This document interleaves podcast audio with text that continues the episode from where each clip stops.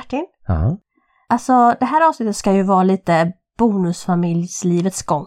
ja, just det. Ja, hade det inte varit kul ifall vi gjorde det lite som Här är ditt liv? Jaha, med Lasse Holmqvist och Tollarpan på piano. Ja men precis, var inte det kul? Ja, absolut. Jag är med. Det låter som en bra idé. Ja men då kör vi då. Ja. Alltså jag har kontaktat alla dina ex som kommer. Va? Nej men, vänta här nu. Don't tell me that your life is dull and grey. My only answer is hey, hey, hey, hey. Let's go crazy in the wild, and if by chance we make a child, that just means that we're alive and healthy. Hej och välkomna till avsnitt 254 av Bonuspappan. Och plus mamman! Jag är så taggad. Det var så länge sedan vi spelade in denna podd om livet i en bonusfamilj med tyngdpunkt på föräldraskap och relationer. Mm, det har ju gått tre veckor igen.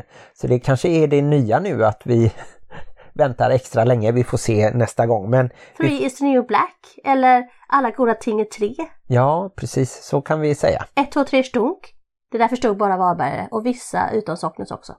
Just det, komediaclownerna som eh, utvecklades här i Varberg för säkert 25-30 år sedan någonting. Eller invecklades, jag vet inte. De är väldigt roliga. Missa inte stunk om de kommer till er lilla stad med Lasse Beischer och Josefin Andersson och Dick Karlsson. Er lilla stad, utgår du från att alla våra lyssnare bor i småstäder? Ja, Jag tror att självklart. våra lyssnare faktiskt bor i storstäder. För att det är så att eh, statistiken säger att det är mest storstäder som lyssnar på poddar. Så kan det vara. Så kan det vara. Det som är sig likt från förra gången är i alla fall att vi sänder i samarbete med Hallands Nyheter, dagstidningen i Varberg och Falkenberg med omnejd. Precis, och i Hallands Nyheter så finns det en sektion som heter Livets gång. Och det här avsnittet tänkte jag skulle handla om bonuslivets gång. Mm, det blir väldigt spännande. Jag är beredd att eh, höra vad, hur du har delat in det. Fast först kanske vi ska ta lite kort om veckan som har gått. Hänt i veckorna får ju heta då. Mm. I vanliga fall så heter det ju Hänt i veckan. Det är knappt så jag kommer ihåg vad som har hänt alla de här tre veckorna. Men jag vet att vi var på ett barnkalas i början av den första veckan. Ja, det är ju min brorsas första lilla barnbarn och hon är född 4 oktober. Samma dag som det bildades ett fotbollslag som vi inte pratar om. Nämligen IFK Göteborg. Som vi inte pratar om sa jag ju. nej, vi behöver inte prata eftersom det går dåligt just nu så behöver vi inte prata om Jag det. tycker inte vi ska prata om allsvensk fotboll överhuvudtaget. Jag vet inte vad som har hänt den här säsongen. Ja, men AIK spelar ändå hyfsat. Men, Men, men när eh, vi spelar hyfsat så ligger vi i alla fall topp fem eller sådär. Men det känns ändå inte som att det är vårt år i år. nej, vi får se hur det blir nästa år. Mm. En sak som har hänt de här veckorna är ju att jag faktiskt har gjort ett litet gästspel på mitt gamla jobb. Jag har varit- jobbat på dagverksamheten. Mm. Och det gjorde du väl mellan två nattpass tror jag, så det var ganska starkt att du orkade det. Ja, det var kanske lite galet men det är så gött att jobba där för att jag är som en filmstjärna eller jag är som en superhjälte när jag kommer dit. Jag bara kommer dit, alla jublar och älskar mig och jag får en sån här boost där jag känner mig bra, jag känner mig älskad och omtyckt. Och det kan man behöva som överarbetad fyrbarnsmamma i en bonusfamilj där jag oftast kanske då mer får tyngden av att jag gör allting fel. Ja, men det är härligt av dig att du faktiskt gör sådana inhopp. Sen har vi igen varit duktiga och varit ifrån varandra. Vissa människor kanske behöver jobba på att vara ihop mer. Vi måste jobba på att vara ifrån varandra mer. Ja, det var ju när du åkte ner till Lund och jag åkte till Göteborg och spelade trummor. Ja, jag åkte med min kompis Marie och vår hund, höll jag på att säga. Hon passar ju våran hund ibland. Inte Maries och min hund, utan din och min hund och vårt barn, som då är mitt barn, som egentligen inte är ditt barn. Men vi brukar ju säga vårt barn, vårt yngsta barn. Nu lät det som att Marie passar även Helle, men eh, Helle var med på Hon resan. har säkert passat Helen någon gång. Hur som helst så åkte vi till Lund och träffade min gamla klasskompis Sofia och hennes familj och det var väldigt roligt. Det jobbigaste var bara att Parker blev så förtjust i deras yngsta dotter att han låg vid dörren och gnällde hela natten. Mm. Jag fick hålla honom i koppel för att inte han skulle springa ut. Ja, det är jobbigt, men eh, vi älskar honom ändå. Vi har även grattat Alf som fyllde 76 år. Av någon konstig anledning, han säger alltid vi ska inte fira min födelsedag. Och vi, så gör vi det extra mycket bara för det. Och vi hade gjort en kanelbulletårta och Marie hade köpt choklad och blommor. Och, ja, Sen tycker jag ju Pokémon-tårtan du gjorde var ju helt fantastisk. På ja ett jag har varit lite bagerska här de här veckorna. Mm. Mm. Och eh, vad har vi mer gjort? Jo men du och jag var ju iväg på varsitt håll igen sen. Jag gick på bio med Tobbe och du gick och dansade med din nya fru. Jag ska ju vara med i det här eh, Varbergs eh, Let's Dance kan man kalla det. Ja, Karin Rabe har fått uppdrag att få fart på min mans höfter. Det kan vara en utmaning så god som någon. Vi ska dansa cha-cha inför 700 personer på Societen. 800 sa du häromdagen, har det minskat nu? Nej, de håller ju på att sälja biljetter. Det är 100 stycken som har hoppat av när de inser att Martin inte kan röra sina höfter. White man Röra sina move. höfter. Det lät som Röra Tony. Irving är nämligen en av domarna och han pratar ju lite så här. Han pratar så här och även Watson, paret David och Malin. Just det, han är ju koreograf i det riktiga Let's Dance i TV4. De är domare ihop med Tony Irving. Man får väl inte ens kalla detta för Let's Dance. Det heter väl Låt oss dansa och ska vara Varbergs största AV. Så har ni inte köpt biljetter så hinner ni fortfarande. Det är den 21 oktober på Societen och ni köper biljetter på NV Event.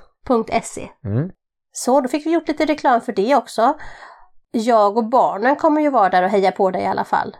Jag tror att jag har med mig åtta stycken sammanlagt. Det är för att du har så många barn. Det är konstigt att du som inte har några barn egentligen har så väldigt många barn. Ja men det är härligt. Då Ja. kan alla rösta på mig via någon app tror jag. Spännande. Plus att barn är ju sådana människor som kan använda appar. Ja. Bara en sån sak. Barn är också sådana som kan låna saker. Min son Lycke har nu börjat låna min rosa moppe ganska ofta. Ja, eftersom han har bilkörkort så får han ju köra även moppe. Mm. Han tycker faktiskt att han är ganska cool på min rosa vespa.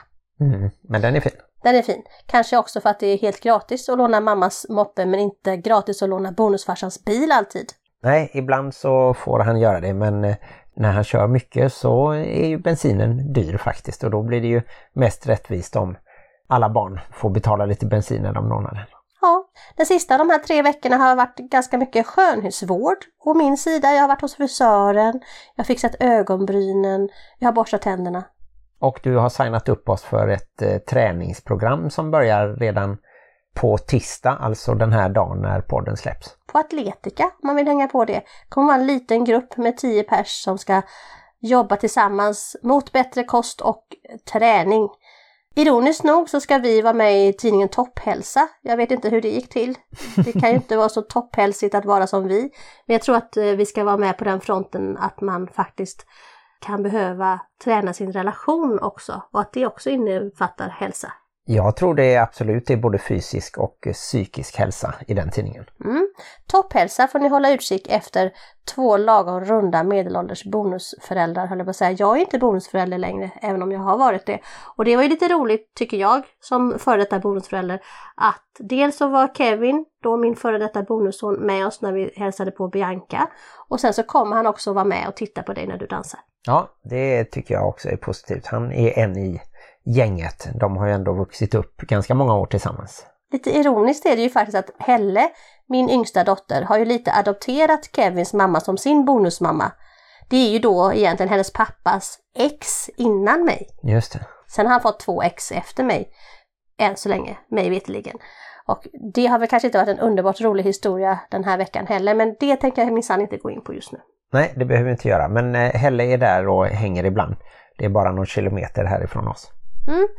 Jag tycker vi gjorde det ganska bra att sammanfatta de här tre veckorna. Då kanske det är dags att gå in på veckans avsnitt som ska handla om bonuslivets gång.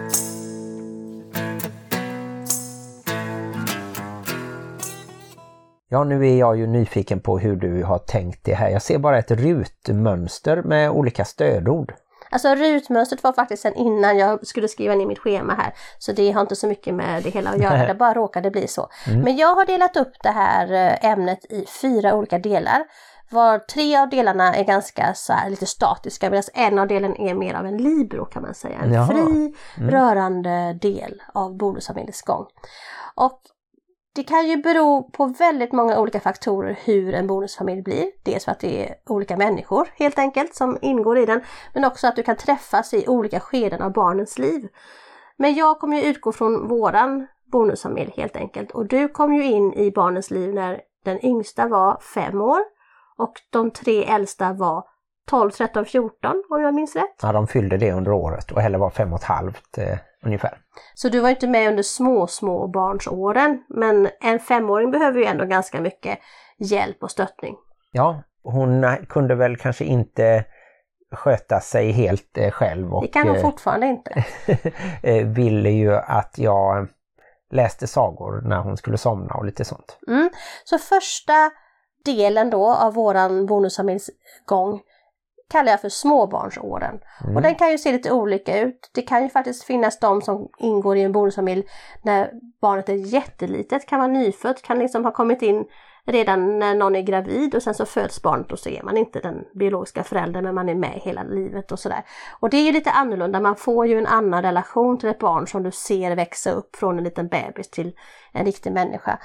Och då kanske man också har mycket mer en roll som just förälder. Där man kanske vabbar, det har ju du gjort. Och som du berättade här innan, du har ju varit med och nattat och du har ju inte bytt blöjor då men det har ju jag. I min före detta bonusfamilj så bytte jag ju blöjor på Kevin. Det brukar jag tycka är roligt att berätta för honom ibland. Ja, men sådana liksom småbarnsårssaker. Kommer du ihåg någonting speciellt som du tänkte som nybliven bonuspappa till ett barn som då kanske behövde både mig då och även då dig? Nej, men jag kommer ihåg att jag tyckte att det var väldigt bra att du gav mig det förtroendet att eh, ta hand om då framförallt Helle eftersom de andra precis skulle bli tonåringar eller hade blivit tonåringar det året. Så jag tycker ju att eh, man ska ta chansen att få bra kontakt med barnen om de är i den åldern så att de till exempel inte kommer ihåg jättemycket av det tidigare familjelivet. Om det nu till exempel var i en kärnfamilj eller om det var en annan bonusfamilj som i ditt fall. Så tror jag att det är en fördel att Helle inte minns så mycket av när hennes biologiska pappa och du bodde ihop. Så hon har liksom ingen längtan av att ni ska bli ihop igen eftersom hon vet att det är omöjligt av flera anledningar. Jag tror säkert att det finns många barn som faktiskt tänker att ens föräldrar ska bli ihop igen oberoende av ålder och sådär men det behöver vi inte gå in på just nu. Men jag tänker en sak som då kanske händer under de här småbarnsåren är ju att man kanske bestämmer sig för att skaffa gemensamma barn. Det gjorde ju inte du och jag, men så gjorde ju jag i min förra bonusfamilj. Mm. Så min yngsta har ju då aldrig levt i en kärnfamilj precis som du säger utan hon föddes ju in i en bonusfamilj. Och eh, då blir det också kanske mer aktuellt att jobba på den här relationen med bonussyskon, helsyskon och halvsyskon. Och, ja, det kan ju behöva jobbas på ibland. Ibland så kan ju barn vara så att de bara åh, vi älskar varandra och allting går jättebra. Men mer vanligt är ju kanske att det blir en del ja, men bråk och gnabb och avundsjuka. Barnen växer ju upp på två olika ställen till exempel. Mm. Det är ofta man inte tänker på det. De har ju då om vi säger bonusfamiljen. Sen har de ju varsin familj kanske på olika håll ifall det är så att båda kommer med barn in i boet. Och då har de ju halva sitt liv på ett helt annat ställe. Mm. Och det kan jag ju säga som då kan se det lite utifrån att jag har aldrig märkt att dina fyra biologiska barn skulle vara något annat än helsyskon. Även om då tekniskt sett så är Helle ett halvsyskon. Men det har ju jag och jag tror ingen annan skulle liksom kunna märka det i beteendet. Och det tycker jag är väldigt positivt. Mm.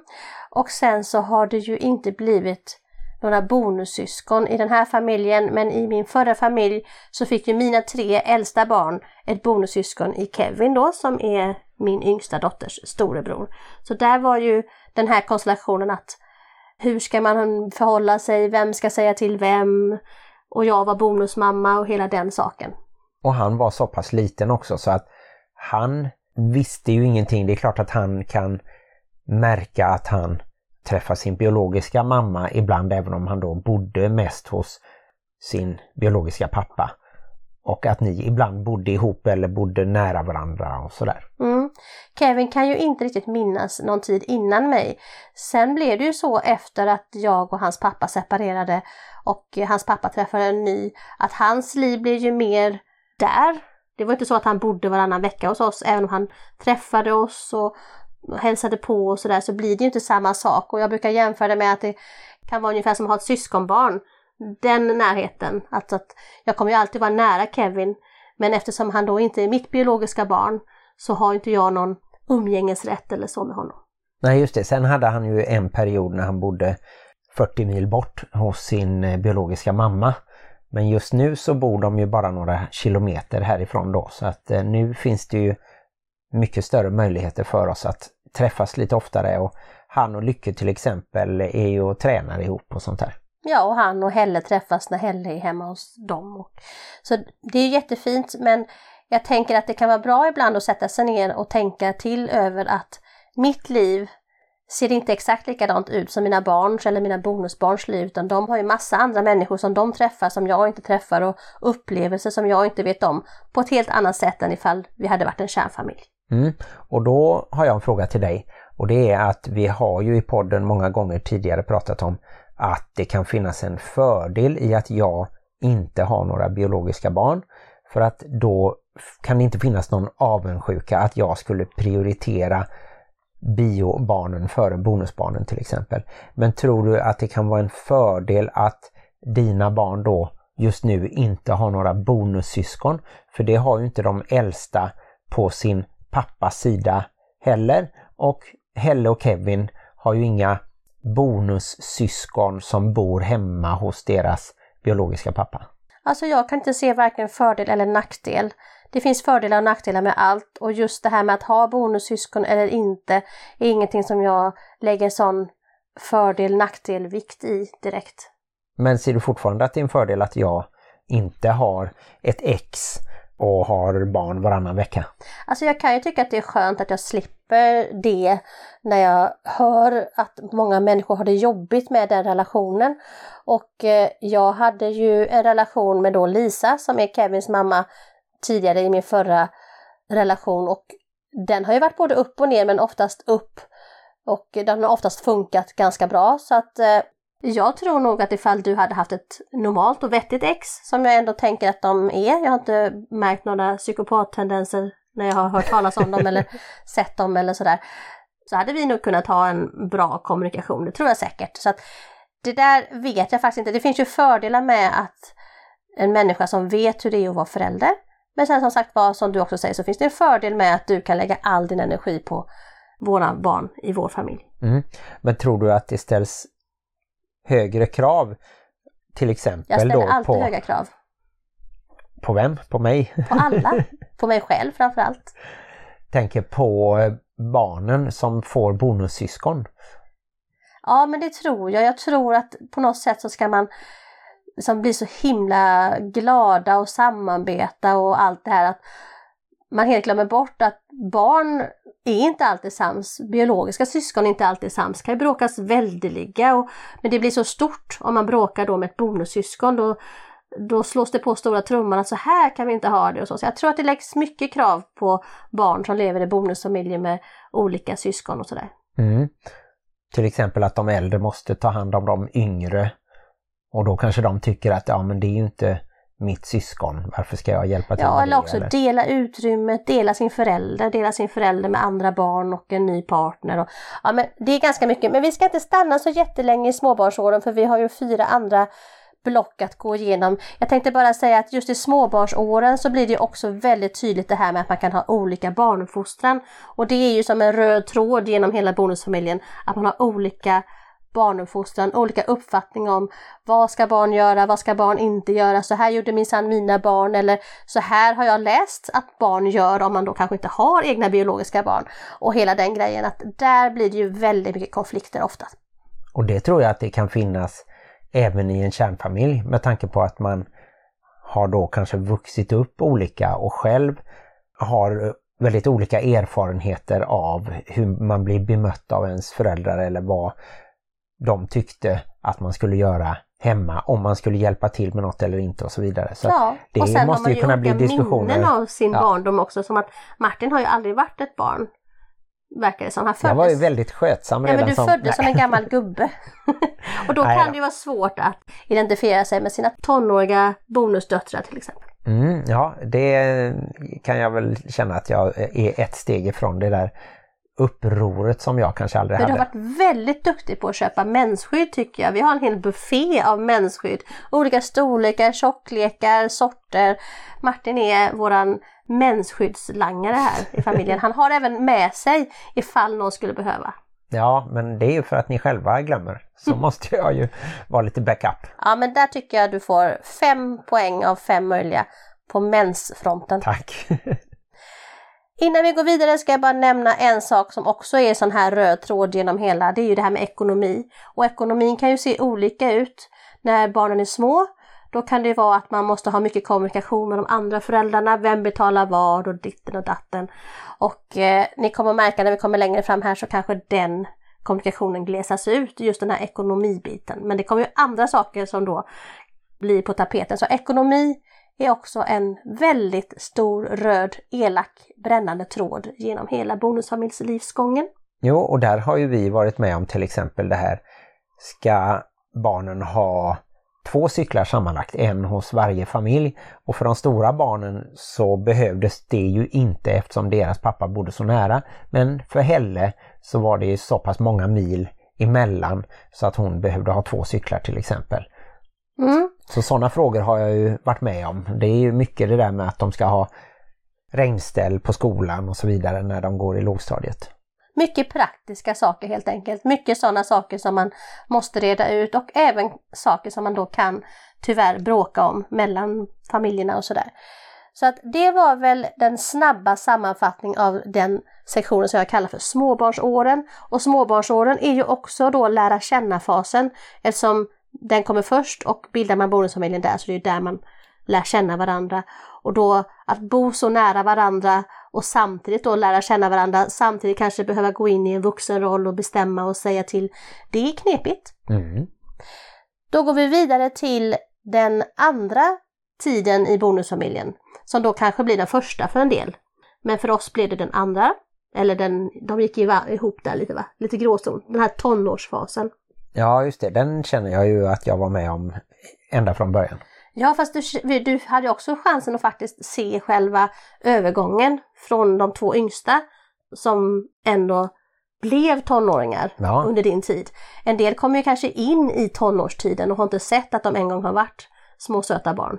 Jo, och den tonårsfasen tycker jag nog ändå att jag har varit med om i princip med alla för att Saga som är äldst träffade jag ju för första gången när hon fyllde 14 och sen efter några månader så fyllde Lycke 13 så han var ju bara 12. Så jag tycker ju att jag har varit med om även hans övergång in liksom i tonåren och båda de äldstas övergångar har ju varit lite mjukare. Det har inte varit samma tydliga personlighetsförändring. Men det kan ju också bero på att du inte har sett dem. Nu såg du dem ju precis i övergångsskedet, du såg inte dem när de var barn.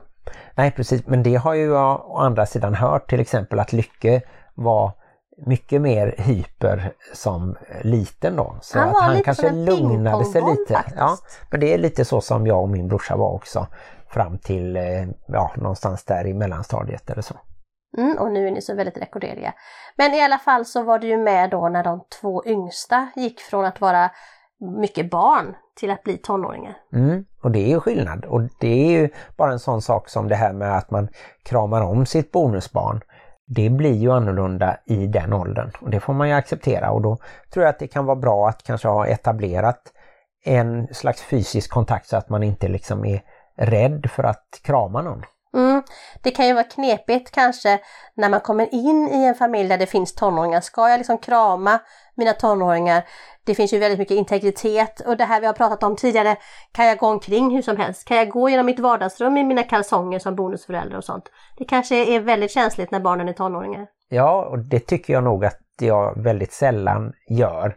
Sen så kan det ju hända att jag har bara överkropp någon gång men det har man ju även Men det på skrämmer stranden. alla, även vuxna Även människor fru. som får Ja, se dig i bara överkropp. Det känns lite skrämmande att du ska dansa i bara väst har jag hört. Ja, det är inte riktigt bestämt. Det Nej. kan bli någon linne under. Det kan ju bli sån här eh, panik, jag ser det framför mig. Det är ungefär som när Godzilla kommer och alla springer skrikandes. Men framförallt det här att eh, jag är över 50 och fortfarande har sexpack. Det är mest det som förvånar folk tycker jag. Aj, aj, det gjorde så ont att höra. ja, jag kom helt av mig. Eh, Har inte vi pratat om det här Martin, att du har en enpack? Jag har en magbubbla. Magbubblan. Nej, det är inte så farligt. Inte så farligt. I alla fall tillbaka till vårt väldigt allvarliga samtalsämne om tonåren. Bonusfamiljen i tonårstiden. Och då handlar det mycket om utbrytning av barnen som ska bryta sig loss. Och det kan ju bli extra känsligt i en bonusfamilj, just det här med att man kanske har en speciell ton till sin förälder som inte är så härlig alltid. Och är man då en bonusförälder så kan man bli ganska chockad. Ska barnet få prata sådär bladde bladde? Och har man då dessutom som Martin glömt bort sin tonår så är det ännu svårare. Eller då han föddes ju som en gammal gubbe sa vi här inne så han var ju aldrig tonåring. Så att det kan bli väldigt mycket bråk och det kan ju vara den här grejen du är inte min farsa och då bonusföräldern bara, om men jag är inte din morsa. Mycket sånt tror jag kan eh, vara bidragande orsak till att livet i tonårsfamiljsbonusfamiljen inte alltid är underbar och härlig. Särskilt då om eh, bonusmamman säger jag är inte din morsa. Då kanske bonusbarnet tror att det är en Ja men så sa istället. jag till eh, mm. Kevin, jag är inte din morsa! så sa jag. Men det handlar ju också om andra saker som är i alla familjer. Det här med att barnen kanske ska, ska säga som att man ska det. Men det blir ju grupptryck i eh, skolan, alkohol, fester, när ska man vara hemma, hur länge får man vara ute utan att någon säger till och allt det där. Och mycket ska ju liksom gås igenom. Det är ju en sån eh, nästan som en ny födslosmärta på något sätt. Man föds in i vuxenlivet som vi sen kommer komma lite till. Vad har varit dina högsta hinder i att leva med tonåringar i en bonusfamilj? Oj, jag vet inte, jag tycker nog att de gångerna när vi har fått våran beskärda del av eh, tonårsfyller och liknande så tycker jag nog att det har gått att hantera på ett eh, helt okej okay sätt. Och de få gångerna så har ju jag faktiskt fått beröm av dig om det har varit någon sån typ av krissituation. Att jag har kunnat eh, hantera det på ett okej okay sätt. Ja men precis. Där har vi ju pratat om det här att som bonusförälder kan man ju faktiskt då lägga sig på den nivån att man kan vara som en liten buffert. Man är liksom inte föräldern som kanske är jättearg och jätteupprörd utan man kan vara den där som Men du kan komma och prata med mig så kan jag prata med din mamma. Alltså lite så, man kan ha en fri roll. Mm. Sen så tycker jag ju att det är svårt. Jag blir ju kanske inte lika arg så att det märks om någon skulle säga något taskigt till mig eller sådär.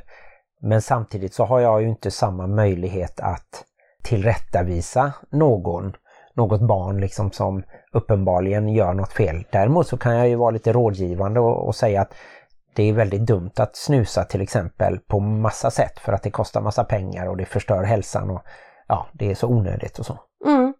Och det kan som du nämnde här vara ganska jobbigt att få höra den här jargongen som kanske ett tonårsbarn har mot vuxenheten, mot kanske alla nu för tiden. Både lärare och andra föräldrar och det är inte så som det var i alla fall som folk påstår att det var förr i tiden när man hade väldigt respekt för de äldre och inte sa vad som helst. Nu kan du kanske som bonusförälder få höra din jävla gubbe eller något sånt där. Det, det händer säkert. Ja, jag, eller värre.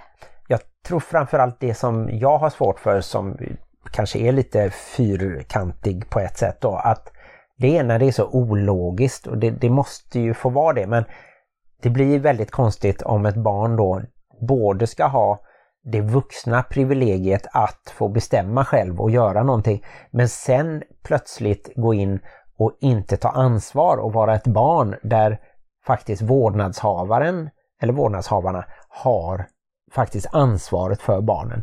Precis. Och den krocken där tycker jag kan vara jobbig för om ett barn säger att ah, men jag vill göra detta själv, ja visst du är 15, du får ta ansvar för det. Men då får du stå för konsekvenserna både gentemot föräldrarna eller bonusföräldrar eller gentemot skolan eller samhället eller så.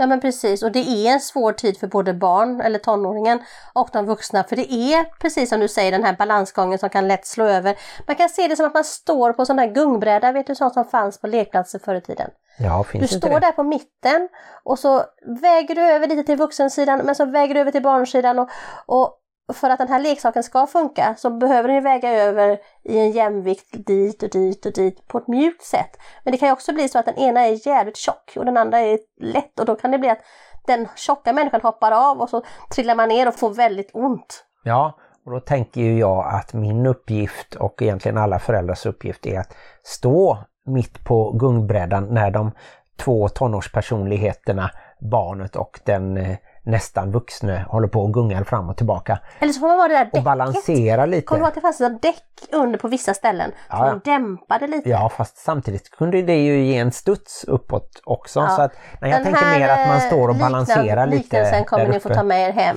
i, och rita upp den hemma och sådär. Ja. Ja. Nej men andra stödord som jag har skrivit ner här är ju utpressning. Det är ju inte förrän i tonåren som de kanske kan förflytta sig själva mellan föräldrarna. Och eh, den här meningen har ju säkert många fått höra att ja men då går jag hem till pappa istället då ifall det är en konflikt eller så. Eller jag, mamma är mycket bättre än dig och, och så vidare. Den grejen kommer ju just i tonåren. Mm, och då gäller det väl att snacka ihop sig om man nu kan prata med sitt ex som är den andra biologiska föräldern och kanske vårdnadshavare. Och så försöka ha någorlunda lika regler för som sagt det går ju aldrig att upprätthålla om man har mobilförbud i det ena hemmet men fullt ös i det andra för det är klart att eh, då kanske tonåringen går dit istället. Man kan ha det så. Det är ju skönt om man kan ha liknande men det är också så att man har ingen som helst kontroll över hur det är på det andra stället.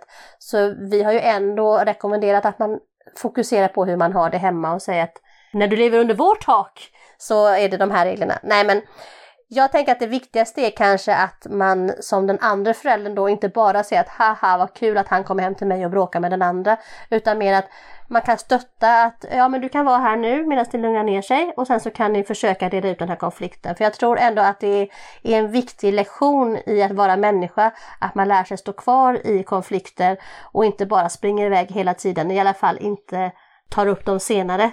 För sen ska man leva i kanske andra relationer och vuxna relationer och då kanske man inte kan smita iväg varje gång. Mm. Och jag tror ju att den största skillnaden för våra barn mellan eh, sina två olika hem under olika perioder har nog varit att de har velat bo mer hos oss eftersom de har fått egna rum här.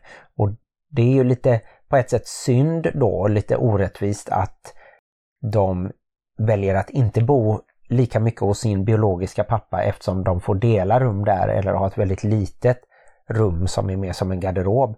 Men å andra sidan så har de bott hos oss utan att eh, pappan har betalat någonting så det kanske man kan tycka att det jämnar ut sig att vi får lite mer tid men då betalar vi lite mer och det vill vi ju också göra. Mm, nej men det stämmer. Det har ju varit så i just vår familj att vi har haft väldigt få barnfria dagar och veckor helt enkelt. Och det hände ju bara någonstans där när de började kunna förflytta sig själva. Det var ju aldrig så att vi bestämde det på något sätt. Som sagt, det, det, det blev så.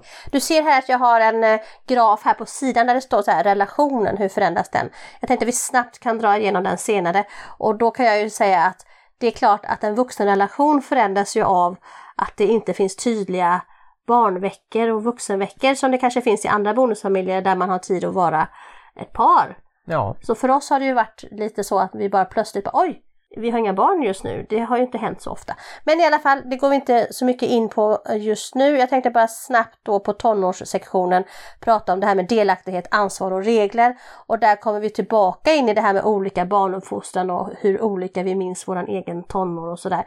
Min mamma var ju väldigt ska vi säga curlande var hon kanske inte, men hon körde ju väldigt mycket marktjänst. Alltså jag tvättade ju aldrig hemma och mamma lagade maten och städade gjorde jag kanske eventuellt ibland. Så jag känner ju igen mig väldigt mycket i mina barn och tänker att ja, men jag blev ganska normal ändå. De överlever. Medan du kommer ju från ett annat håll kan man säga. Ja, jag vet inte. En stor skillnad tror jag var att båda mina föräldrar var lärare så de hade ungefär samma arbetstider och ungefär samma lön så att det var inte så att vi som familj tjänade på att mamma var hemma och lagade mat. Och som jag minns det så gjorde båda mina föräldrar lite av varje. Det kunde vara lika gärna pappa som lagade mat Ja men det var inte så mycket det jag tänkte på. Jag tänkte mer på att du kanske ibland tycker att jag låter mina barn komma undan ansvar och sånt där. Och jag kom undan ansvar ganska mycket i min barndom. Och jag tror faktiskt att ifall du är helt ärlig så gjorde du nog inte heller så jättemycket hemarbete eller hushållsarbete när du var barn. Nej precis, vi testade lite olika sådär att vi skulle ha en dag i veckan lite ansvar för att hitta på mat eller hjälpa till eller sådär. Men det är klart att jag Var tvättade det då inte sådär, själv. och- mamma jag vill ha spaghetti idag, det var ditt ansvar då? Nej, det var mer så här att David sa att ja, jag vill göra fylld paprika för det har vi gjort på hemkunskapen. Och det kan jag inte rekommendera som maträtt. eh, eh, Eller så gjorde vi fel, men det, det var ingen höjdare men det, det kommer vi i alla fall ihåg väldigt mycket. Så nästa gång du träffar din svåger så påminn honom fylld om paprika? fylld paprika. Det är en klassiker. Ja men det är väl en klassiker det här med att barnen kommer hem och är glada och exalterade över att de har lärt sig saker på hemkunskapen. Och då är det faktiskt läge att inte vara som jag. För jag är ju sån där som, åh nej det blir jobbigt i köket. Åh. Utan bara låt barnen laga mat då kanske. Ja, ja. Men hur som helst, det gäller ju att komma överens om sånt, speciellt då om man har olika tonåringar från olika kullar, där man har barn båda två sedan tidigare, att man har någorlunda liknande regler så ingen känner sig att ja, men varför får han och inte jag och ditten och datten. Men sen så har ju du och jag också varit mycket inne på det här att alla efter sin förmåga och eh, alla kan inte ha exakt samma regler. Nej, och framförallt så tror jag att man som familj får ju sätta upp sina regler och inte hålla på att jämföra sig med andra. Och då kanske det blir jobbigt just om man är många bonussyskon och att de då kanske har svårt att anpassa sig från att en vecka så är de i ett hem där de behöver hjälpa till och den andra veckan så behöver de inte och sådär. Och att det då kan kännas orättvist att ja men mitt bonussyskon behöver ju inte göra det. Bara man sätter sina egna regler i sin bonusfamilj och försöker hålla det. Eller så som vi har det, som jag tycker nu att det nästan inte är några krav alls. Då får man köra på det. Det är helt laglöst här hemma. Och till exempel för mig så är det jobbigare om man först säger att man ska göra någonting och sen inte gör det. Som Då att man jag- säger att man ska göra om badrummet och sen inte gör det. Nej, om man säger till exempel att man ska gå ut med hunden jättemycket och sådär och man sen inte gör det. Ja, nej men det är sant. Jag är mycket för att ha få regler som man kan efterfölja än att ha en väldig massa regler som man måste tjata om och som sen kanske inte efterföljs. Även om du kanske tycker att jag inte följer mina regler. Men jag har väldigt få regler och det är så här, jaga inte varandra med kniv och eh, hör av er var ni är någonstans. det, det vet vi ju aldrig med de stora barnen. Nej men jag vill ändå säga att jag faktiskt tjatar på dem och säga var de är någonstans. Ja men det är bra. Så den regeln håller jag ju lite på. Däremot vill jag inte ha tusen regler som jag måste tjata om för det hade varit jobbigt att vara människa då tycker jag. Ja, och sen den bästa regeln som du har det är ju att man ska vara snäll och att man ska liksom Den ta är hand liksom om lite hand i varandra. och så. hand med den här jaga inte varandra Å andra sidan så är det liksom ingen regel sådär. För Det är den gyllene regeln faktiskt. ja, just det. Går igenom i alla religioner har jag märkt och hört och sett. Just det här att man ska vara mot andra som man vill att man Ja, ska och vara. även inom humanismen som jag följer, Mm. som inte är en religion. Ja, och innan vi går vidare till nästa block där vi faktiskt befinner oss nu så ska jag bara säga, och det tycker jag är viktigt i alla blocken i och för sig, men just när man är tonåring så förstår man ju också mer kanske av konflikterna mellan föräldrarna. Så att var försiktig och sätt inte ditt barn i den positionen att de behöver välja eller ta sida eller någonting. Om du hatar ditt ex så försök att liksom inte visa det framför ditt barn. Oavsett hur solklart det kan verka för dig så är ett barn alltid lojal mot sin förälder så att det är alltid en jobbig sits ifall de vuxna i barnens liv bråkar mycket. Mm. Jag tror ju att det kan vara så att bioföräldern kan få lite stöd av bonusföräldern. För mig har det i alla fall varit så att jag har ju inte alls den känslomässiga kopplingen till barnens två biopappor. Det här var spännande Så- ifall ni hade haft känslomässig koppling. Nej men alltså jag, jag kan ju vara eh, arg och besviken på saker som de har gjort mot dig eller på misstag som de gör gentemot barnen eller så. Men det är inte på den nivån liksom utan jag kan fortfarande hjälpa till att kommunicera tycker jag om ni inte kan kommunicera. Nej, men jag tycker också att det är viktigt att man inte kör de här små lättsamma dängorna som man kanske kan harpsla ur sig som vuxen. Haspla heter det. Haspla, harpla, harpsla, ja precis. Som man ibland kan spotta ur sig i stundens hetta. Det är bara, bara svälj det istället, det blir mycket bättre då. Men jag märker ju att barnen kan ju skoja om sina pappor och då kan du hänga på lite. Men det värsta skulle ju vara om jag säger någonting även om det är skämtsamt för det kan landa fel. Ja men det är precis som, kommer du ihåg när man var barn? Man tyckte att ens föräldrar var dumma i huvudet men om någon annan skulle sagt någonting om ens förälder så då jäklar. Mm. Ja, så att det är de stående reglerna att inte prata illa om andra människor i dina barns eller bonusbarns liv. Då går vi in på den sista punkten, fast det är inte den sista utan det kommer komma en till. Men i alla fall den här sektionen som vi nu kallar för unga vuxna-åren. Och där är vi ju nu. Vi har ju en 18-åring, en 19-åring och en 20-åring. Och 20-åringen har ju flyttat ut. 19-åringen står väl med ena foten i dörröppningen kan man väl säga. Han har börjat betala här hemma och även nu köpa sin egen mat och tillaga den. Mm. Och eh, bor, bor ju inte varje dag här eftersom han har en flickvän som han bor hos ibland. Ja precis, vi har delad vårdnad om honom med hans flickväns föräldrar. Ja, och eh, Bella är ju här också Ja, hos oss. men om jag då ska säga vad jag har skrivit för punkter i den här kolumnen, det är ju att ett eget liv. De har ju sitt eget liv, de fattar sina egna beslut. De är ju faktiskt lagligt sett myndiga. Och eh, precis som du sa innan, då har de ju definitivt ansvar för konsekvenserna de gör i sitt eget liv. Sen är det ju fortfarande så att en 18-åring är mycket ett barn Ja, ja. fortfarande. Men i alla fall, det är dags för dem att ha sina egna åsikter, sina egna beslut. De kanske röstar på ett parti som du inte gillar. De lyssnar säkert på musik som du inte gillar. De klär sig på olika sätt och det är ju någonting som man ska ha respekt för hela barnets liv. Men definitivt nu på slutet, nu innan de flyttar hemifrån, så är det ju så att du har inte längre ett barn som du ska forma eller fostra eller har du inte fostrat dem fram till nu då är det ändå kört. Så nu är det mer det här att leva tillsammans i någon slags harmoni som gäller. ja, men jag tycker ju fortfarande att man som förälder ska hålla utkik och se faktiskt hur barnen mår.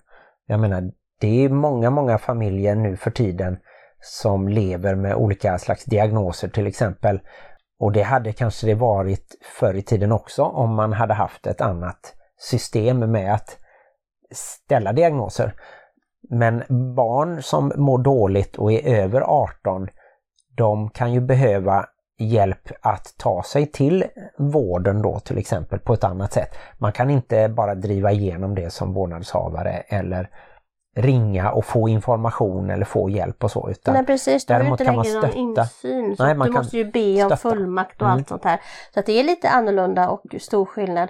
Och dessutom unga vuxna som då är kanske 18-19, de har ju inga egna jobb och så kanske alltid. Så att då bekosta det här som är runt psykisk ohälsa, det kan kännas tungt och jobbigt. Och vi har ju sagt det och det har väl också lagen sagt att så länge de går i gymnasiet så är man ju fortfarande underhållningsskyldig, underhållsskyldig. Du tittar på mig sådär roligt som att jag säger fel. Ja, man är skyldig eh, även en person alltså som inte har fyllt 20 men som kanske går på komvux då eller så.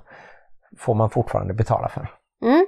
Jag tror att du skulle mobba mig för att jag sa fel där med underhållsskyldig. Heter Jag tycker det hade varit bra om man var underhållningsskyldig Du också. tror att jag ibland fick att du är berätta det. lite vitsar och så. Ja. Ja. Mm. Men i alla fall, den här egna kontakten med den andra föräldern kanske också blir ännu mer uttalad. Då kan det ju vara att när man är 18 så får man ju bestämma helt själv var man bor. Man får bestämma helt själv vilka människor man träffar och inte träffar. Så att det är ju väldigt mycket så att du inte kan styra ditt barn längre och då gäller det ju att man har packat ryggsäcken sedan tidigare helt enkelt. Mm. Ofta bor man ju hemma i alla fall det året eh, när man fyller 18. Då brukar man gå i tvåan i gymnasiet. Sen har jag skrivit en mening här som du kan få fylla i för jag har skrivit bonusförälderns roll? Frågetecken. När man har vuxna barn hemma eller unga vuxna som vi säger. Ja men det beror ju också lite på hur, vad man har för uppdelning hemma. Din enda uppgift är ju att låna ut bilen Martin. Ja, det känns så. Just nu så har jag lånat ut den och den eh, är i Kållered på Ikea tror jag och på väg tillbaka snart här kanske. Men det som jag tänker är ju att vi har försökt att ha som om att, att jag ska vara på så många plan som möjligt jämnbördig förälder och att det då mest eh, innebär ansvar för mig egentligen att jag ska hjälpa till och att jag ska betala lika mycket och så. Jag har ju mer skyldigheter än rättigheter Men kanske. det är som att vara en förälder. Man jag har menar bara det. Jag, jag, skyldigheter jag och säger inte att det är något konstigt. Men sköter jag mig, då får jag ju så att säga rättigheter att träffa barnen väldigt mycket. Jag tror att jag som bonusförälder träffar mina bonusbarn kanske mer än de flesta med tanke på att de bor heltid eller i alla fall har gjort tre av fyra. Mm. Och vi hoppas ju alla, vi som är föräldrar, att man någon gång ska få skörda frukten av att man ändå har lagt ner väldigt mycket tid, energi och eh, annat på sina barn. Men jag tycker också att man får väldigt mycket tillbaka från barnen. Bara att höra skratt och gemenskap och sånt tycker jag är betalning för mig. Men hur är det som för dig då som bonusförälder? Kan du få känna att du får någonting tillbaka? Ja, absolut. Och jag tror att jag kanske blir gladare då för det lilla, om man säger. Om de säger något snällt eller intresserar sig för mitt eh, gammalmodiga jobb som tidningsreporter och så vidare. Eller bara det att de vill komma med och, och se nu när jag ska spexa lite och, och dansa cha-cha och sådär. Mm. Men vet du vilken min största uppgift är då? Som biologisk förälder? I våran familj är ju du liksom navet och även om du tycker det är jobbigt att eh, vara i, liksom i mitten och ta alla de eh, slutgiltiga besluten och sådär. Men eh, Nej, men min viktigaste uppgift är att släppa taget. Ja, men det tycker jag att du är bättre än mig på nästan ju, så att det är jag inte orolig för. Nej men precis. Jag tycker ändå att eh, jag har ärvt det från mina föräldrar, även om de kanske aldrig riktigt släppte taget om mig och alltid stöttade mig och hjälpte mig. Så släppte de taget om att jag fick fatta mina egna beslut. Vilket jag ibland i efterhand kan tänka att fasiken jag skulle låtit någon annan ta alla mina beslut i mitt liv så kanske det är mycket bättre. Men jag tycker att det var ett bra sätt att vara förälder på. Så att jag har anammat det och jag försöker att ändå fortsätta att säga saker som jag tycker är viktiga för mig. Men att lämna över ansvaret för att fatta beslut till mina barn. Ja, och jag tänker ju att det är lite som när jag har ett eh, koppel till Parker som går att rulla ut. Att eh, man låter barnen gå väldigt, väldigt långt bort men man har hela tiden en, en försiktig lina så att de hittar tillbaka. Jag tycker det är oroväckande att du pratar om att ha koppel på barnen. Men vet du det att mina föräldrar faktiskt hade en slags sele till mig som hade koppel? Ja men det, det, det har jag men sett jag många. var ju inte vuxen då, jag var Nej. ju kanske ett år eller Jo två. men alltså när barn börjar lära sig gå och krypa och lite sådär så eller åka skidor, det kan man också ha ett snöre emellan och så. så att jag tänker bara ett, en osynligt lite så att de hittar tillbaka och så Vad Sitter det att här de kopplet känner fast sig någonstans? Sitter det runt halsen? Som på en hund? barnet. Eller är det som en sele som vi har på parken? Nej, det är mer lite sådär som du vet när man eh, är och simmar till exempel och har sin nyckel så har man den nere vid foten för att det inte ska märkas så mycket. Okej, Saga och Lycke och En Yva. liten fotboja. Om ni känner att det rycker väldigt mycket i er ena fot så är det Martin som har ett osynligt koppel runt benet på er. Ja, nej men de ska alltid känna sig välkomna så att eh, inte sådär att man ska släppa taget utan man ska bara ge dem väldigt mycket Jag utrymme. tycker jag var så poetisk där när jag sa att min största uppgift i mina vuxna barns liv är att släppa taget. Ja, mentalt gör man ju det. Aldrig. Jag tror vi menar samma sak även om vi uttrycker det lite olika. För du släpper ju aldrig taget helt mentalt. De finns ju alltid med dig barnen. Mm. Ända tills jag blir som ett barn, som mina föräldrar nu har blivit barn till mig, så kommer det vara så. Ja, I alla fall, nu har vi gått igenom de tre faserna som jag hade tänkt. Småbarnsåren, tonåren och de nya vuxna åren. Då ska jag bara lämna en sektion till som är lite mer flytande just i bonusfamiljer. Det är de här mixade åren. Det kan ju vara så att den ena har utflugna barn och den andra har små barn. Man kan få gemensamma barn och då blir det ju att du kanske är i de här olika faserna samtidigt. Någon har tonåringar, någon har vuxna barn, någon har barnbarn och så är det en bebis mitt uppe i alltihopa. Och det är en ganska knepig tid också, den här mixade åren. För där är det som olika åldrar, olika kontakt med de andra föräldrarna, olika, det är som alla de här sakerna som vi har pratat om, fast samtidigt. Och också det här med att det kommer gemensamma syskon och, och den saken. Och det tror jag att man måste ha ganska stor ödmjukhet inför. Att vara i en av de här faserna är ju tillräckligt jobbigt. Men att ha alla faserna samtidigt, det är sjukt jobbigt. ja, vi kan ju se fram emot en fortsatt tonårsfas samtidigt som de unga vuxna, som du säger, börjar lämna. Så att vi kommer ju vara i två faser ganska länge till tror jag. Ja, och så kan det också vara i en kärnfamilj såklart. Men kanske oftare i bonusfamiljer att man är just i olika faser i livet fast samtidigt. Mm. Ja, då ska vi också bara snabbt prata om hur relationen de vuxna emellan kan segla genom de här olika faserna. Och då tänker jag att i början om man bildar en bonusfamilj så kastas man ju in i ett familjeliv på ett helt annat sätt än ifall två vuxna träffas och sen skaffar man barn. Utan barnen finns ju där och man måste förhålla sig till det, till olika barnveckor och olika barnaktiviteter kanske framförallt och även kanske sätta sig själv ganska långt bak i, i prioriteringslistan. Vad tänker du om det? Jag tror ju att eh, det på ett sätt var lättare när jag kom in, även om det var en stor omställning att gå från noll barn till fyra barn när vi flyttade ihop efter ett halvår. För då hade jag liksom en tydligare uppgift, till exempel att ta hand om Helle, att jag skötte nattning och eh, gick upp med henne på morgonen och sådär. Men nu och går att du det var medvetet. Parker. Ja, och nu, nu är det jag som tar hand om våran eh, lilla Bo här. Ja, så här, ja. Men så på ett sätt så tycker jag att det är svårare att våran relation påverkas mer nu när barnen egentligen inte behöver så mycket hjälp.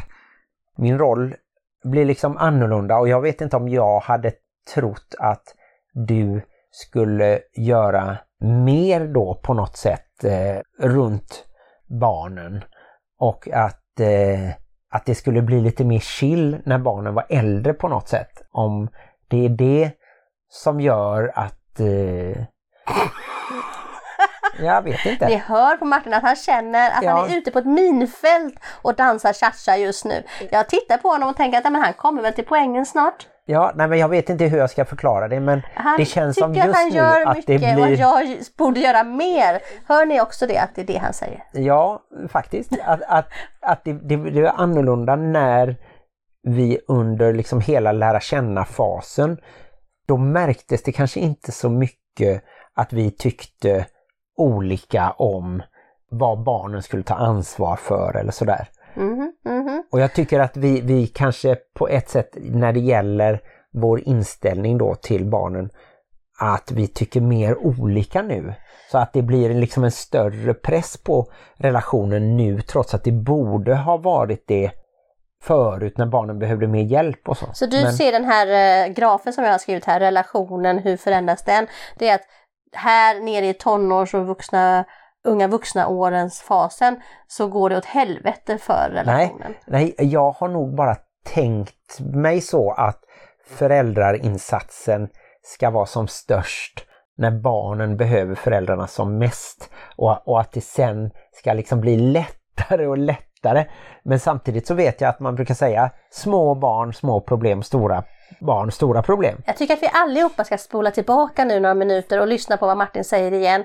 Och sen så kan ni allihopa skriva till mig ifall ni förstår vad han säger. För att just nu förstår inte jag vad han Mm. Jag säger. kan försöka en gång till. Nej, nej, nej. Vi har inte så mycket tid Martin. Nej, men det finns också någonting som vi måste adressera och det är ju att barnens liv i övrigt har ju förändrats väldigt mycket med tanke på till exempel att Helle har haft ett liv där hon har bott varannan vecka och nu bor hon heltid här eftersom hennes pappa har flyttat iväg 50 mil.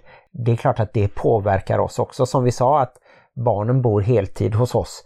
Det påverkar ju våran relation på olika sätt. Mm. Jag tänker ju att nu är, finns ju en tid då vi faktiskt inte alltid måste. Det är fortfarande så att vi kan inte lämna Helle vind för våg. Hon är ändå 12 år så att hon kan fortfarande elda ner lägenheten för att hon lagar makaroner eller något sånt där. Men vi kan ju i alla fall lämna henne med de äldre syskonen på ett annat sätt än vi kunde förr. Eller skaffa barnvakt som vi gjorde förr. Vi har ju lite mer frihet nu än vi hade innan. Ja, ja. Och det, jag tror att det kan finnas många föräldrar kanske som lämnar sina 12-åringar hemma. Men ikväll till exempel när vi ska iväg på Ullared krogshow och är borta 4-5 timmar så har vi ju sett till att eh, 18-åringen är här och passar. Ja, det beror ju också på tiden. Om man är borta mellan 6 och 12 så tycker jag att det är viktigare att man har någon som är rephållare än ifall vi hade varit borta mellan 12 och 4 mitt på dagen. Ja, just det. Ja. Så- det, det har ju förändrats och jag tänker att det kommer fortsätta förändras efter nästa fas då som kommer vara inga barnfasen, vilket vi inte har tagit upp idag. För det får vi ta upp senare i podden när alla våra barn har flyttat ut. Hur vår familj ser ut då. Kan vi ens räkna som en bonusfamilj då längre och, och så vidare. Då kommer ju barnbarn och allt annat sånt. Så den här podden kommer bara fortsätta för evigt. Det kommer kanske vara glesare mellan avsnitten som vi har blivit nu. Var tredje vecka kommer vi ut, verkar det som. Men jag tänker just att relationen ändras genom att man kanske plötsligt inser att man måste jobba på relationen. I början kanske man är så himla mycket uppe i just att vara förälder och, och få hela den här stora maskinen att fungera. Att du kanske glömmer bort att du är två vuxna som behöver jobba på en relation. Och det ploppar nog upp, liksom ju mer barnen klarar sig själva med många saker och kanske är borta och sover över och allt annat. Plötsligt så inser man att oj då, jag måste jobba på min relation.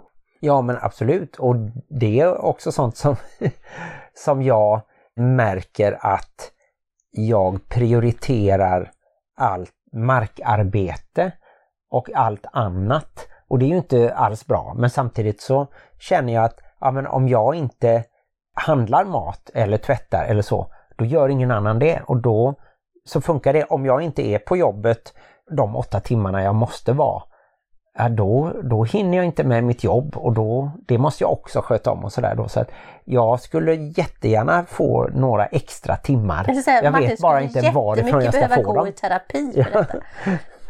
Så att, nej, det är inte lätt. Nej, det är inte lätt, det är inte lätt att vara förälder och det är inte lätt att leva i en bonusfamilj. Men jag tror att om viljan finns så är det helt möjligt. Och eh, jag tycker ändå att de här åren med dig som co-parent har varit spännande och givande och inte är lämnat allt är för min- svåra nu är det men. du som är på minfältet här. precis. Jag bara dundrar rakt över minfältet utan att tänka på någon. Ja, jag tror inte det har smält än. Du har inte smält det än eller vad säger du? Ja, vi, vi kan tolka det så. Ja, men eh, det var det som jag hade att säga om bonuslivets gång och som sagt det finns fortfarande saker som kommer att hända. Vi är bara i början och sniffar på den här sista delen av bonusfamiljslivet. Ja, det blir spännande här nu eh, kommande. Till exempel byte av lägenheten för eh, äldsta dottern. Jag tycker det har varit himla mysigt att man faktiskt märker att Saga längtar hem och tycker det är härligt att komma hit och hälsa på. Hade hon inte tyckt det så hade hon inte gjort det. Nej, det är jag helt med på. Och, eh, Och då kan ju inte bonusfamiljen ha varit så galen ändå eftersom hon faktiskt längtar hit ibland. nej, och skriver och, och ber om hjälp och lite Finns sådär. fortfarande med i familjechatten för jag tror att den har döpts om till, vad är det, bonusfamiljernas gangsters och Saga. Karlbergsvägens. Ja, just något det. sånt där. Mm, Jag tror det mm. var Jean som ändrade det. Ja, men då går vi vidare till vår nästa lilla avdelning av podden.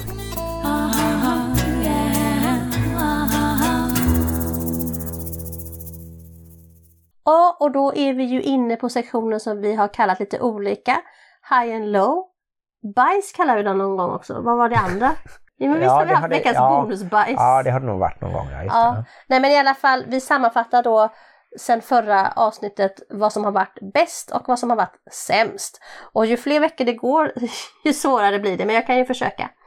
Jag tycker att det bästa de här tre veckorna har varit när jag faktiskt hör och ser att det finns band som har knutits som kommer att finnas där även om inte jag skulle finnas.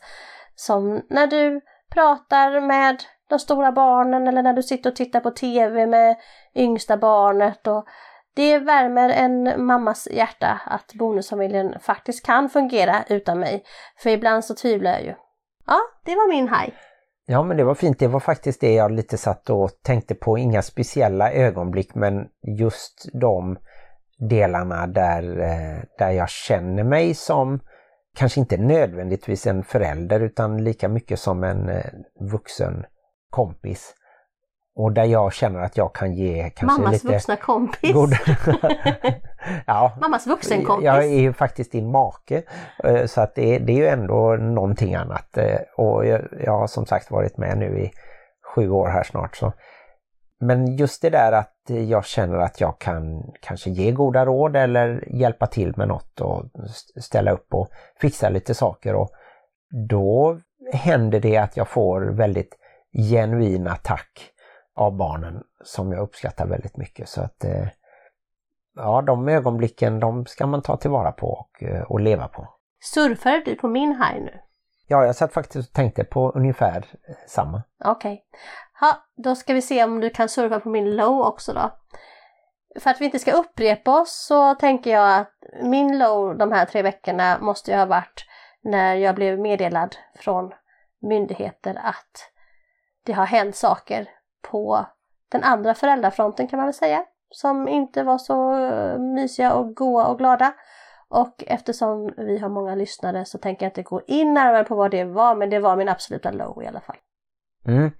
Jag kan väl eh, delvis hålla med men jag vill inte välja ut det som en low eftersom för mig var det liksom inte oväntat och eh, jag tycker mer i så fall att det förstärker känslan som vi hade tidigare i samband med vårdnadstvisten. Där jag tycker att det är egentligen pinsamt att se hur en kvinnlig domare, en kvinnlig advokat och två kvinnliga vittnen går emot en annan kvinna, nämligen dig. Dels av okunskap och dels med faktiskt rena lögner. Och det är jag ju jätteglad att du fick rätt där till slut och att du är ensam vårdnadshavare. Och sen så innebär det lite komplikationer, konstigt nog, i ett sånt här sammanhang. Och det är lite svårt att prata om så att, men just det tycker jag ändå att, eh, att du har hanterat bra och att vi tillsammans har hittat liksom en väg ut hur vi ska förhålla oss till det. Och vi kan bara göra vårt bästa och vara bra föräldrar för alla barnen. Men om jag ska säga något annat som en low så är det väl som vanligt det här att jag inte tycker att jag har tid eh, med saker som jag gärna skulle göra som att övningsköra med Kevin eller få ordning på garaget eller förbereda resan till Paris eller så. Det går alldeles för mycket tid åt annat och jag är, dålig på att prioritera tror jag, dålig på att vara effektiv. Men sånt är livet, sånt får man eh, räkna med när man är förälder. Precis, jag tänkte ha en sån här följdfråga till dig där. För att när jag blev förälder, alltså när jag var gravid i nio månader, då sa ju folk alltid det här till mig att nu kommer du inte ha ditt liv på jättelänge, nu är det kört, nu är det bara barnen som gäller. Jag tänker att du som bonusförälder, du fick alla de där nio månaderna med människor som berättar för dig hur fucked up ditt liv nu kommer att vara eftersom du kommer att ha barn. Nej, men då, då, får jag det nu istället då. Ja men precis, ja. jag tänker att det har ju jag som mamma gett upp för länge sedan. Att ha tid för mig själv och sånt.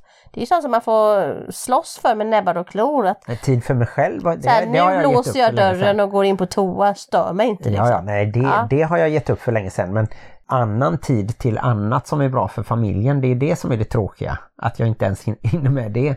Jag tänker, eftersom vi inte ska sluta på en low note så tar vi två snabba high till som liksom high low high blir det nu. Och då tänkte jag säga att jag tycker att det är en high att jag har kört igång adoptivrummet igen på Clubhouse. Även om det är ett väldigt litet adoptivrum så känns det härligt och mysigt. Mm. Det kan ni eh, gå in och lyssna på. Det är bara att man laddar ner appen Clubhouse och så kan man gå in där och söka på Adoptivklubben så kommer man till ett rum på torsdagar klockan 19 till 20. Precis, och där är jag Martin. Ja, jag har ju en haj och det är lite eh, kul tycker jag att jag har fått träffa Sagas pojkvän Amadeus och prata lite med honom och det är han som kör min bil just nu till Ikea till exempel. Vi eh, har passat på att prata lite när Saga klippte gin till exempel här och när jag var hemma och lämnade någonting eh, till Saga, vad det nu var för några dagar sedan och så. så att, nej, han verkar jättetrevlig så tummen upp för det. Vad jobbigt det måste vara för en sån här alltså pojkvän eller flickvän som kommer in. Kommer du ihåg det? När man var ung så skulle man träffa sin eh, flickvän, pojkväns föräldrar och det var lite jobbigt. När man blir tillsammans med någon som lever i en bonusfamilj, då är det liksom dubbla föräldrar. Ja, det, det kan det ju vara faktiskt ja. Men, eh, så bara, nu har jag träffat en. Oh, det, var, det gick bra. Och bara, ska jag träffa en till? Jag tror att, eh, att Eller jag är två ganska... pappor som står där med hagelbössan. Ja precis, men jag är inte en, sån liksom eh, riddare för barnen så. Jag Menar du att, de... du inte tog snacket med Amadeus? Nej, det... Så här, du lägger armen så här farligt, ja nu ska vi prata här hand om min Amadeus. dotter. Ja. Ja. Nej, det får väl bli senare kanske. Vem ska hålla talet på bröllopet? Eller det är ju inte ens en fråga. Om man känner Anders och man känner Martin så vet man vem som kommer hålla talet. Tack för att ni har lyssnat. Vi hoppas att vi har sagt något eh, vettigt eh, även i detta avsnitt. Glöm inte att ni kan kontakta oss via sociala medier och eh, ni kan även mejla på bonuspappan.plusmamman gmail.com. Och gå med i Bonusfamiljernas diskussionsgrupp och diskutera livet i Bonusfamiljen på Facebook du också. Mm. Glöm inte att livet i bonusfamiljen kan vara besvärligt. Men också härligt. Hej Hej då! Herregud, vilken pers att gå igenom hela bonusfamiljslivet på Ja. en timme. Vilken resa vi har haft Martin. Ja, den fortsätter. Var det uppgivet eller var det liksom Nej då. hoppfullt? Nej, jag tror att det vänder. Vadå vände? Så att livet det är har, blivit, jobbigt. det har blivit jobbigare att vara förälder. Har det det? Ja, Är det så jobbigt för dig? Ja. Är det inte för att du håller på att bli gammal? kanske. Du orkar inte som du gjorde förr. Mm, ja. Tänk så här, det är ändå bra att du kommer aldrig kunna säga minnet var inte som förr. För du har ju aldrig haft bra minne.